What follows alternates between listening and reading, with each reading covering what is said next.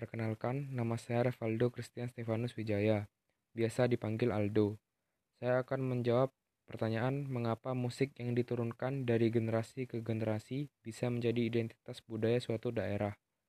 Menurut saya, karena dengan hal tersebut, maka kelestarian musik tradisional tersebut tetap terjaga dan tentunya bisa ada sampai saat ini sebagai salah satu warisan budaya yang ada. Sekian dari saya, terima kasih.